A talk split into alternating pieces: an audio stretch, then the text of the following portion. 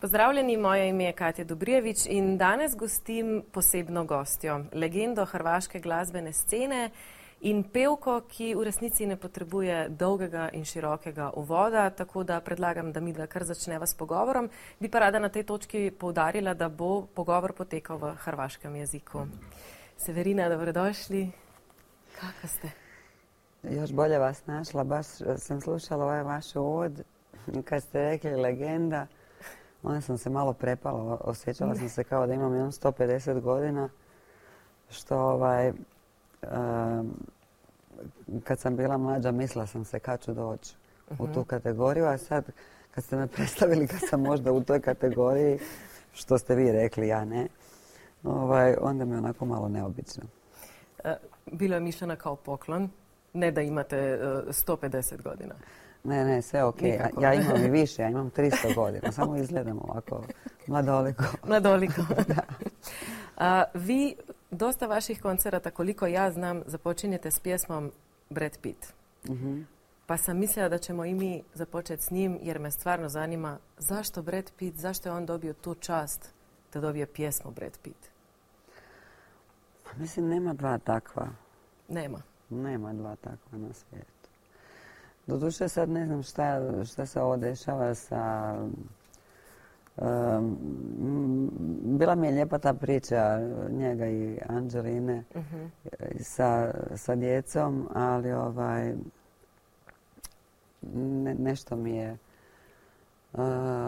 nešto mi je promaklo u, u tom odnosu. Međutim, kad se kaže Brad Pitt, onda se zna na šta se misli. Misli se baš na takvu vrstu mhm. muškarca, takva vrsta e, ljepote. A i nisam prva, mislim da je to već, e, kako se zvala ona pjevačica. E, mislim, koliko sam ja tražila, ima još neka pjesma ili neka strana, nije neko kod nas. Ima, ima, ima. I to je ova country pjevačica, Bože. Sjetit ću se do kraja emisije. Vi niste sa... Ovo ima veze sa, ovo, sa, ovim 300 godina, kužite. A, evo, sad sam shvatila. Da, prije bi to ovako izgovorila ime sad. Vi niste samo pjevačica, vi ste kroz godine pokazali da ste mnogo više. Niste samo glazbena i modna ikona, kako vas znamo i žene i muškarci. Vi ste i braniteljica ženskih prava, žena bez dlake na jeziku, javna osobnost, mama, kći, a kako biste se vi opisali? Tko je Severina? Pa u stvari, e, ovo kad ste rekli bez dlake na jeziku, imala sam dlaku na jeziku, jer naime u nekim situacijama ne možete baš uvijek sve ni reći. E, koliko god se oko vas stvari dešavale neke loše, jer e, kad da a da opet da ne kažete, da ne demantirate nešto, neke informacije koje su krive ili koje su netočne, onda uvijek ostane ona jedna kao u glavi situacija drugih ljudi, aha, sigurno tu ima nešto istinito. Mhm. A opet ako idete demantirati, onda ulazite u, u reality show. Tako da mislim da sam dobro, dobro balansirala s obzirom na okolnosti koje su mi se događale, mislim prvenstveno na, na privatan život koji uopće nije trebao niti biti u javnosti, ali ne mojom voljom. Su neke stvari završile vani i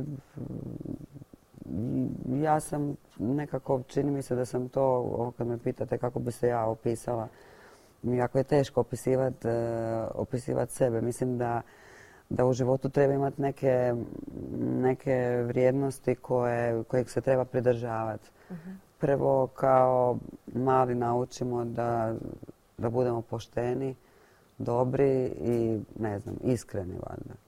Onda nekako s godinama e, te vrijednosti se povećavaju i onda, ne znam, cijenimo prijateljstvo, poštovanje, zaboravila sam u one prve tri stvari reći ljubav, e, sreću, e, putovanja, osobnost, individualnost, autentičnost. Dakle, imate, nadograđujete taj svoj e, taj svoj habitus i mislim da nekako ono što najbolje radim to je to je na sceni. Tamo sam to je jedino u biti što je, što je važno. Sve ovo drugo nekako čini mi se da koristim u pravo doba i u prave svrhe, ali e, moram priznati da, da ovo što se tiče ovih e, ženskih prava vjerojatno, mislim svi uvijek kreću od sebe. Mhm. To je ono što je nekako nam u ljudskoj prirodi. Nešto što poznaješ pa se u to upuštaš. E, upoznala sam nažalost tu jednu vrstu sustava koji ne jednu vrstu, nego u stvari sustav koji ne funkcionira u, u, u mojoj državi. Ne znam kako je to u Sloveniji. Da li je kod vas bolje? Ja mislim da malo je bolje nego u Hrvatskoj, da. Pa mislim nekako mi još uvijek nismo navikli da, da imamo te... Sad se dešava da neke Evropske komisije ispituju stvari koje se dešavaju, ali uglavnom imali smo baš e, baš imamo loše postavljen sustav, pogotovo prema, prema ženama i prema djeci. Gdje u stvari se e, žene e, moraju, tako im je to, znači zadnjih 20 godina kako je taj sustav bio posložen, moraju se viđati sa nasilnikom i moraju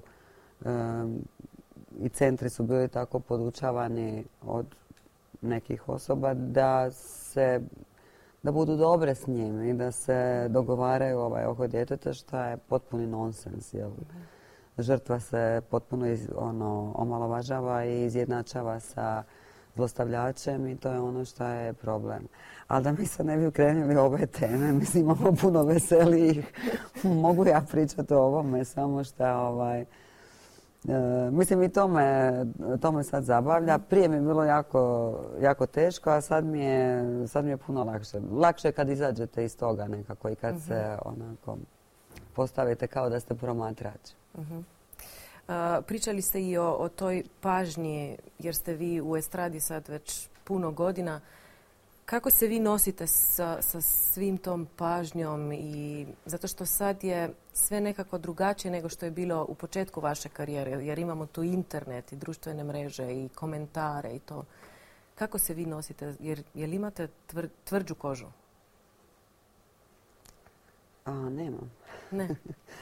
nemam, nemam. Mislim da to bi bilo strašno, to bi, bilo, to bi bio poraz za mene kao za čovjeka da imam tvrđu kožu. Samo što nekako postajete mudri, imate svoj mali svijet i oko njega neki kineski zid. E, I mislim da imam da, da, imam da, da sam da, ponosna sam na sebe zato što sam odabrala e, odabrala sam nekako oko sebe ljude koji su mi prijatelji s kojima se družim i s kojima dijelim um, lijepe i sretne trenutke, putovanja, smijeh e, i mislim da je to ono što, je, što mi je najbitnije. E, jedan dio obitelji koji, koji je uvijek uz mene i koji mi neminovno treba i mislim da me to održava na normali. E, nikad nisam razmišljala o, ovom zanimanju da ću biti e, popularna ili slavna. Jednostavno sam kao mala već počela pjevati i za mene je glazba bila nekako najnormalnija stvar i nešto najljepše što mi se moglo što mi se moglo dogoditi. Mislim, radim, radim ono što volim i uh, nikad mi nije ništa bilo ni teško, ni... Teške su bile te neke situacije gdje, gdje možda neko napiše nešto, ali bitno je da objave dobru sliku. pa nek napišu što hoće. Vi znate šta je istina i to je to. Pa ja mislim da se ne moramo tu trgati e, baš previše za istinu. Mislim, ne mora se tu previše nervirati. Naravno, kad su neke stvari u pitanju koje, koje, koje su nepravedne i koje nisu ok, e,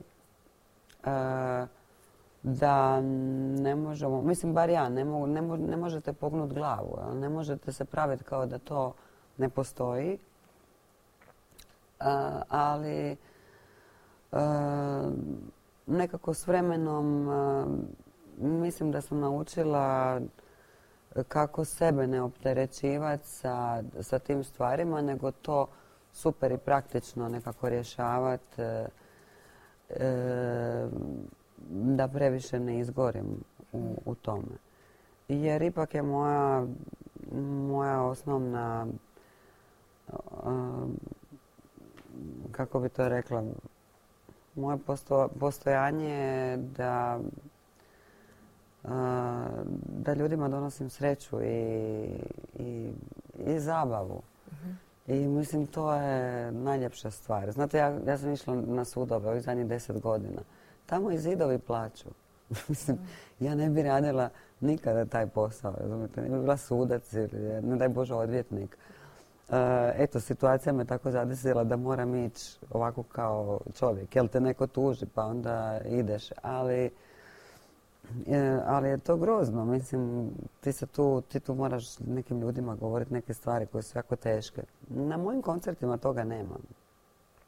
Ja dođem sretna, ljudi dođu sretni i odemo svi sretni i zadovoljni. Mhm. I mislim da je to stvarno blagoslovo. I stvarno imam najbolji posao na svijetu. Kad smo, kad smo već kod vašeg posla... A ovo što ste rekli za, za to internet, za to sve, mislim to je postojalo i prije. Mhm. Mislim sada je to puno više i, i vjerojatno je teško. Teško je djeci zato što djeca su u dodiru s tim i onda kako se, će se oni nositi sa, sa ružnim komentarima, to mi nismo imali u djetinstvu mhm. jer imao se u školi, u nekoj manjoj sredini. Ovako, si, ovako su nekako izloženi, ali nadam se da, da ne znam, dosta djece nema, nema pristup, e, ne znam, TikToku. Moj sin nema, da, ni Instagramu, ni TikToku, mm. da. Ali da li ih možemo zaštititi? Ne, mislim. Da li imaju od e, tehnik, mislim, da li imaju od toga benefita? Imaju, ali isto tako imaju i to vam je isto kao i u životu. Imate ovoliko sreće i ovoliko tuge. Ako imate ovoliko sreće, imate ovoliko tuge. Pa sad vi izaberite da ćete malo sreće i malo tuge ili puno sreće i puno tuge. Mhm. Mislim nekako ja volim tu puninu života i opet i djeca se ne mogu toliko zaštititi, ali moraju i oni sami naći neki put, zavisno od njihove dobi. Mhm puno se priča o vama u medijima, to o, čemu sad pričamo. Jeste ikada razmišljali o autobiografiji? Sada je to jako popularno na estradi. Glumci, pjevači pišu svoje autobiografije. Jeste razmišljali ikad o tome da napišete svoju priču, svoju pa, istinu? Pa kad piše sve ponovno. jesam, jesam, nudili su mi ovaj to i ja sam pokušala pisati i već na drugoj stranici sam se prepala. Mhm. Previše je to ovaj, iskreno. Mhm. Krenula sam od djetinjstva. nedavno je mm, jedna književnica ovaj, izrazila želju da bi pisala biografiju i svi su mi rekli da je da je jako, ali apropo moje memorije koja više ne pamti ništa, tako nisam ni upamtila ime, Doduše, samo sam ga jedan put čula. I ona je izjavila, izrazila želju da bi pisala ovaj, moju biografiju. Nešto mi je Tarik Filipović e, čak e, predložio da bi on radio predstavu. Ali ja sam mislim da je sve to tako rano. Ja sam još tako mlada, tek sam na početku. Čekajte. Tek 300 godina. Tek 300 godina. Tek 300 godina, mislim. da, znate da ima ona teorija da je naš mozak u stvari programiran na tisuću godina, kao ono što su prije živjeli metuzalemi. I da zato mi imamo samo 10%, zato što smo dođemo do 100 godina i onda, mislim, rijetki i dođu, ali tako da, da je u stvari naš mozak programiran za tisuću, moje na 300 Znači Ima na još trećini. vremena. Na trećini ste. Da. Um, pitala sam na početku tko je Severina, ali sad ću vas pitati tko je Severina na pozornici, na bini. Je li, je li ste to vi ili imate neki alter ego? A nisam ja toliko pametna za altere. Znači ne, to je Severina. To što vidimo, to je to. Ovaj, jednom je Tomaš Pandu rekao kad me gledao na nekom koncertu koji je bio neki manji ovdje u Sloveniji i rekao je "Mm, vidio sam ih šest. Nisi glumila. Samo ih sam ih šest vidio. Ehm, ja mislim da mi svi i vi imate ovaj, ne jedan alter ego, nego više njih. Jer vi točno znate kako ćete razgovarati sa mnom, kako razgovarate s prijateljima, kako razgovarate s mamom, kako s tatom. Kad ste bili mali, točno ste znali šta, na koji način ćete razgovarati da možete dobiti i da možete nešto, da možete nešto dobiti, kako ćete, ne znam, ako ste htjeli izaći vani, na koji način ćete namjestiti lice i facu. Ja to sad vidim uh, u svom sinu gdje on meni kaže, mamice moja draga, kako si ti meni? Uh, I naravski da se ja odmah nasmijem i da... I na sve kažete da, može. Da, sve dobije, da. Tako da mislim da mi imamo jako puno toga i da, da su to sve neke normalne stvari. Ovaj. A i mislim da je, da je pozornica jedino mjesto gdje to baš valja iskazati. To sam baš, eh, kad smo radili turneju Dobrodošao u klub, baš sam sa Tomažem, ovaj, u stvari on je bio baš jedan od, od ljudi koji fali, mm, nemjerljiva je tuga za njim i ne postoji takav čovjek na ovim našim prostorima koji ga može zamijeniti. Svaki put i moja ekipa i ja se sjetimo toga kad, ne znam, kad nam navru neke uspomene i kad bi izlazila u trećem dijelu koncerta na pjesmi Grad bez ljudi, on bi mi došao svaki put e, prije nego što ću izaći i rekao bi mi sad se sjeti svega šta ti se dogodilo u životu. I ja sam se rasplakala prije nego što sam došla do, do Bine. Jer je rekao da jedino na pozornici e, ovaj, sve vrste emocija su bitne. Ovo dalje, ovo ništa nije važno. I to jest tako, jel? to je kreacija, to je, to je nešto što, naime, i književnost i, i slikarstvo i, i gluma i, i pjevanje zavise od dobre emocije. Mi kad vas pratimo na pozornici, vi već od uvijek, kad pogledamo stare snimke ili sad kad vas gledamo, vi skačete, plešete, pjevate, to vam oduzima, ja mislim, ogromno neke... Kukove. ili kukove ili energije, sad ćete mi vi reći šta je gore. Ali um, odakle ta energija, koliko ste u formi to, mislim, to nije lako. I pjevati i plesati. I skakati i veseliti se. I... To se ja pitam kad gledam e, ovog Mesija, pa trči, trči pa padne. Pa mislim se, Bože, ili Modrića, pa se slomi, je živ. Ovaj, a ne znam, to je, to je valjda naš super power, naš žena, da možemo trčati u štiklama i tako jedno 30 godina. Jedno 30 godina. Da. Spominjete i... i Da, u stvari možda bi nogometaši mogli obući štikle pa trčati. E pa da ih vidimo. Pa da ih vidimo Pa da ih vidimo, a? Mhm. Koliko su jaki. Kolike su vam štikle na bini? Je li to 8, 10, 12 centimetra? A nekad je bilo 14, sad je od 8 do 10. U stvari, da, 10.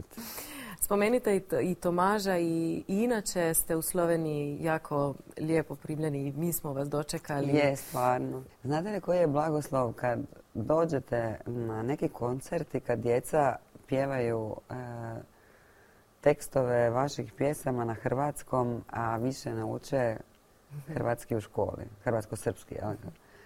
Znači, to je, to je stvarno velika sreća. Evo. I u Makedoniji, mislim isto govore drugi jezik i mhm. ovdje se govori drugi jezik i hvala vam, evo pričate vi jako dobro na hrvatskom, meni je žao što ne pričam dobro slovenski. ovaj, malo sam jučer baš sa Lošom razgovarala, tako da pokušala sam od njega neki slovenski naučiti, ali, I? ali nažalost ništa. Mislim, stvarno super, super pričate i hvala vam na tome. Evo. Inače, mislim, pričali ste s Lošom, ali imate i plesače Slovence, koliko ja znam. Jeste od njih išta naučili? Da, Loša je već Slovenac. Loša, da, pa Loša je Slovenac. Ja vidjela sam nešto ste se zabunila, Loša je naš. je, je. imali ste plesača i Anžeš Krube je s vama surađivao i, je, Žiga Sotler. Je, je. Mislim da, baš smo, mislim da smo baš tu bili kad smo snimali, no, bilo snimanje novogodišnje emisije na Pop TV-u uh dvije i, krajem 2012. Uh-huh. I, I ja sam prolazila nakon, nakon što sam ovaj, otpjevala, sam vidjela ne neko čudo od plesača koji su svi onako kao ptice. Znate ono kako ptice lete, ono, jedna poleti pa sve su ono jatu, onako, ja, one imaju ta strujanja. I oni su tako to plesali i ja sam se trebala poslije naći sa Tomažem e, na večeri. I onda sam mu rekla, gle, ja sam vidjela neke plesače, oni se zovu maestro, kaže on, to sam ti mislio reći, oni su najboljši. ovaj, e, tako da, da, da, onda smo, e, onda smo došli do, do njih i to je u stvari bila baš jedna prekrasna turneja Dobrodošao u klub. Svi smo bili onako pošli na jedno, e, na jednu ekskurziju, svi kao djeca, e, voleći i poštujući jedni druge i i jedva čekajući kad će, kad će se desiti e, sljedeći nastup, pa sljedeći koncert, pa mhm. sljedeći koncert, pa sljedeći koncert. I nije prošla godina da me neko od tih plesača ili ljudi koji su radili na tom nije pitao kad ćemo opet. Mhm. mi smo radili turneju nakon toga 2019. I tad je bio Žiga, on je tad radio koreografiju, Anže je radio 2019 13. ne mogu se uspoređivati, ali dobrodošao u klub je ipak nešto što je u mom srcu ovaj, duboko utkano, zato što se nekako sve spojilo. Mhm. Sve spojilo. Mislim, to ne znači da, da ovo poslije nije bilo dobro. Mislim, mi uvijek se radi i dalje se radi, ali nekako, znate, ono, kad kad se sve spoji, kad se sve, kad se sve namjesti i kad je nešto što ne treba dirati, treba ostaviti u jednom e, kutku sebe i biti ponosan na to i na te ljude koji su onako svi živjeli za to. To se rijetko viđa. Mm. Znate, to je, I zato je ovaj posao preljep. I sve ono što, što radimo, možda neko zamišlja da mi sad da nismo mi političari, mislim sad pa da mi moramo kalkulirati nešto.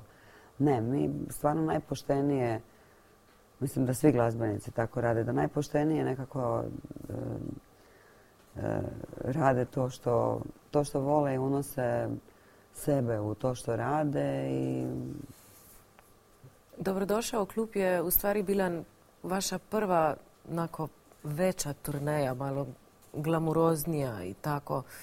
Ili, ili se varam? To je baš bio... Ne tada... reći da se varate jer sve dobro govorite, ali, ali Tada ne. je bilo, mislim, tada je baš bio bum sa, sa tom turnejom. Ja pa se sjećam kad ste i dolazili u Ljubljanu i to su svi htjeli ići. Bile su stožice, su bile na novo. Je, je. Mislim, ja sam imala sreću nekako kao izvođač koji se tek pojavio 90-ih da da sam nekako odmah e, punila dvorane i, u Sloveniji tu. E, tad, sam odmah izašla s albumom Dalmatinka. Dalmatinka i Paloma Nera se i dan danas pjevaju na koncertima. E, tako da nekako baš, je, baš sam imala sreću. I, I nekako je to lijepo išlo. tako godinama, tako da je ta, je, dobrodošao u klub je onako baš iskočila. Mm. Mislim, onako malo veća, onaj boom, je, koreografija i odjeća i plesači i sve to malo je neki drugi nivo. Je, mm. je. 2019. je bila sljedeća turneja. Da li možemo sad nešto novo očekivati? Neku novu turneju? Imate novi album Sorry sa, sa pet pjesama? Da. I, ne, pjevamo ih na nastupima. Ne pjevate ih na nastupima. Kako to? pa, kod mene, ja imam tako jedan... Bitno je da uvijek radim. I u tom periodu kad sam snimala te pjesme sam mislila da je to super i da je to najbolje. Ali e, onda sam shvatila da to ljudi nisu prihvatili i ja nisam od onih ljudi koji će reći znate sad vi nemate pojma. Gledala sam jedan intervju sa Mick Jaggerom koji je koji je mimo Stonesa napravio jedan svoj album e, solo i novinar je prema njemu bio fantastičan i rekao je da je taj solo album njegov najbolji i da ne može vjerovati da se to nije prodalo i da ne može vjerovati da kao da ljudi nisu shvatili tu njegovu umjetnost. A mhm. Mick Jagger ga je gledao i rekao ako ljudi ne vole, to znači da ne valja. mi radimo i kaže on i zato, zato i dalje pjevam uh, Satisfaction na, na mhm. koncertima.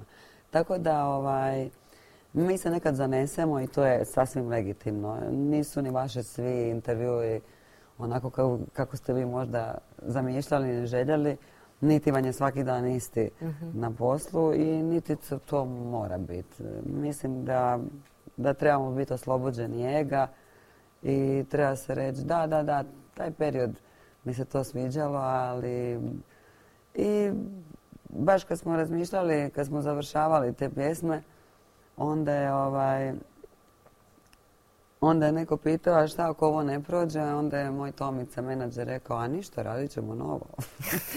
Mislim, to je tako normalno. Bitno je da se, bitno je da se radi, bitno je da si unutra i bitno je da, da nikad ne staneš. Mhm. Negdje sam pročitala da je tih pet Mislim, pjesama... Nije, nije ni modrić svaki put da gol. Nije. Puta, e, nije. mislim, hoću reći. mislim, to je bitno. Nije ni na košarci neko briljira, mm ni, Dončić. Ni Dončić, Da, mada je on savršen i fantastičan igrač i to su sve stvarno igrači. Ja se šalim, nemojte me svačati ozbiljno. Ali hoću reći, e, to je normalno. Mhm. To je normalno. Ali pročitala sam da je tih pet pjesama kao A strana tog albuma. Je. Da li dolazi i B strana ili ste sad odustali od e, toga? Snimila sam B stranu, ali ne, neću, neću je objaviti. znači ne, ne izlazi, ne znamo ne, za nju. Ne, ne. Neću je objaviti i počinjem snimati nove stvari. Aha, ok. Znači sa, sa novim albumom možda turneja? Uh, pa turneja u stvari ne treba biti e, sa novim albumom. Stvarno imam dosta, dosta pjesama da mogu raditi uh koncerte kakve želim i ne moram počinjati stalno sa Brad Pittom. Mogu početi sa nekim drugim pjesmama. Ovaj, e, to zavisi stvarno i od prostora i od, i od mjesta. ali uvijek me veseli, uvijek me veseli veliki koncert jer ja tu mogu ovaj, E, tu stvarno mogu e, dati puno i mogu biti kreativna.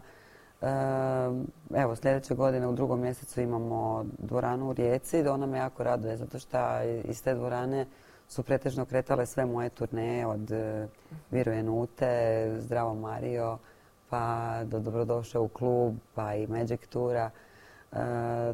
tako da me to raduje. Doduše to neće biti E, koncert e, sa plesačima, nego sa, sa bendom koji će mhm. biti e, pojačan. dakle, sa, sa gudačima, trubačima i, i ostalim ovaj, instrumentima. imamo u četvrtom mjesecu arenu u Zadru. I kako bi vam rekla, to vam je kao neko lagano uhodavanje, tipa ne znam, ono, priprema za svjetsko prvenstvo. Znači priprema za, priprema za veliku turneju. Za veliku turneju. Da. E, koliko sam primijetila na Instagramu, neko ste vrijeme, mislim može biti godina ili dvi, da ste pitali ljude koju bi pjesmu oni htjeli čuti. Da, i takmičili su se ko će izabrati pjesmu koje se više niko ne sjeća. uh Pa ni moja mama. I koja je pobjedila? Koja vas je iznenadila možda pjesma? Da se pojavila tamo u odgovorima. A bilo je tu raznih ovaj... Joj, više se i ne sjećam tih Mislim, ja sam, na primjer, ja sam zamislila joj sad da ja dođem na koncert pa otpjeva Parfem. Jer je nekako random pjesma Nikad je nisam čula uživo, ali je volim. Da. da, ja tako te neke pjesme, ono, udavim komačiće. Udavite komačiće? da. Nekako tako, ne znam. Ili ako sam ih snimala u lošem periodu, kao na primjer album Severgreen, uh onda ovaj, onda, onda ne pjevam te pjesme. Jer jednostavno se bi se kroz pjesmu sjetila uh-huh. perioda 2004. godine koji mi je bio loš ili 96. sa albumom Moja stvar. Možda pijevam samo od rođendana do rođendana. Uh-huh. Tad je e, loša, kad smo ga već spomenuli, prvi put pisao ovaj, za mene. jer ne znam, mi je te godine umro tata. Pa. Uh-huh. I tako, neke me te stvari vežu. Bude se neka uspomena i, i s pjesmama. Da, ja mislim nekako da, da i tako i pamtimo život. Ne? Mhm. Kroz, kroz pjesme, kroz... I onda još pogotovo ako su moje pjesme, a bilo mi je kao mhm. loše u tom periodu, da kao ne. Mhm. Ovaj, ali pomalo se liječimo od tog, od tog straha od tih pjesama, pa neke pjesme ipak nekad znam zapjevati kao što je, na primjer, e, sama na sceni i evo ne mogu se sjetiti. A vi ste rekli parfem. Da, uvijek sam se mislila šta ima u tom parfemu. Jako, jako puno mi je ljudi uh rekla za taj parfem, da. Ima nešto izgleda. Ne znam. Meni se sviđa. Sad zašto? Napola ispijen čaj. To. Istrošen parfem ko naša ljubav, da. Znači, šta biste vi sami sebi svjet, uh, savjetovali u mlađim godinama? Na početku karijere, na primjer. Šta bi ja sebi savjetovala? Možda što se tiče karijere. Što se tiče karijere, pa ništa. Mislim, e, bila sam najbolja e, u periodima kada mi je kada mi je bilo teško. U stvari kad sam bila, kako vam rekla, kad, kad, kad sam imala muku zbog nečega. Ne mislim samo na, na privatno mhm. nešto, nego kad, znate ono kad, to sam neki dan rekla na, na našoj televiziji, a ne bi se volila sad ponavljati, morate imati nešto što vas žulja, neku ajde, izgovorit ću, neku jebu. Jebu, čula znači, sam tu. Da, znači morate imati nešto što vas žulja i mislim da su iz tih pozicija sam ja uvijek ovaj, mislim da se to zove inat. u stvari. Da, ovaj, a, po, po, po, po naški ovako, a u Splitu je to dišpet. mislim, mhm. iz tog jednog uh, dišpeta su se rađale najbolje najbolje stvari, te najbolje mhm. ovaj, ludosti jel, koje, koje su me pokretale e, i to, to ne valja nikad izgubiti. Ali onda e, kako vam je dobro u životu i kako vam je sve lijepo i kako, e, kako imate velike koncerte pa ste vi kao evo, vi me zovete legenda, pa onda sad vi mislite da ste neka legenda, pa onda kao ono još dobro i živite od toga, onda se kao malo uljuljkate, a to nije dobro ni, za kakvu vrstu kreacije. Mhm. Treba uvijek imati jedan ovaj, dišpet i kamen u cipeli koji vas žulja i koji vas onako istjeruje iz vas emocije koje su, koje su bitne. Ja? Mhm. Ono što smo rekli, najbitnije su emocije. To što ste rekli da ste spominjali, spominjali tu jebu, to je bilo u Superstaru gdje moram spomenuti i Davida Amara, našeg Slovenca. Da, da. Kakav je on dojam ostavio? Jako je sladak sad na ovoj zadnjoj, e, e, bio je na ovoj e, polufinalnoj emisiji i, i onda mi je prišao i rekao da, da se bojao u početku jer da nije znao uopće što da mi kaže. A ja sam mu cijelo vrijeme prilazila normalno, kao sve je ok.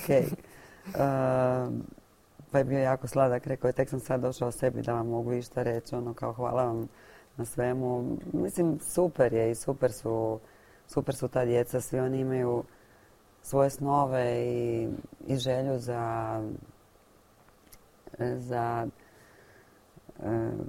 želju da, da se ti njihovi snovi ostvare i onda je jako teško biti kao ulozi žirija. Mislim, ja uopće se nisam tako niti ponašala.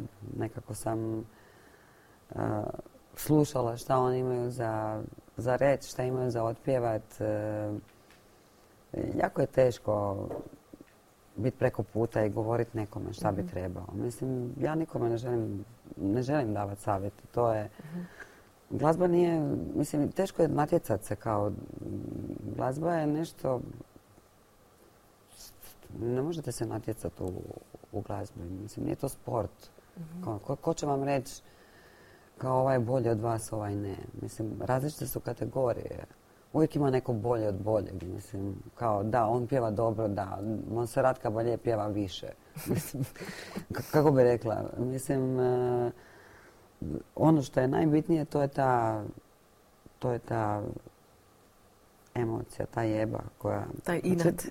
Da, mislim, da, ne, ne, samo, ne samo inat. To, to, su, to su spojene više stvari. Mhm. Znači, i dišpet i jeba i ono što nosiš u sebi, tu osobnost, koju, tu emociju koju nosiš, koju nosiš u sebi i sve ono što sam nabrojila na početku ovog intervjua, to je sve ono što, ti smatraš uh, vrijednostima, to je iskrenost, poštenje, ljubav, sreća, uh, radost, uh, koliko toga imaš, koliko toga možeš dati.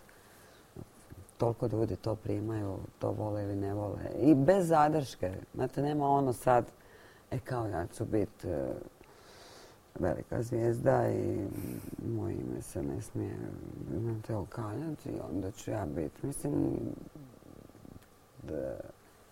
to su već kalkulacije.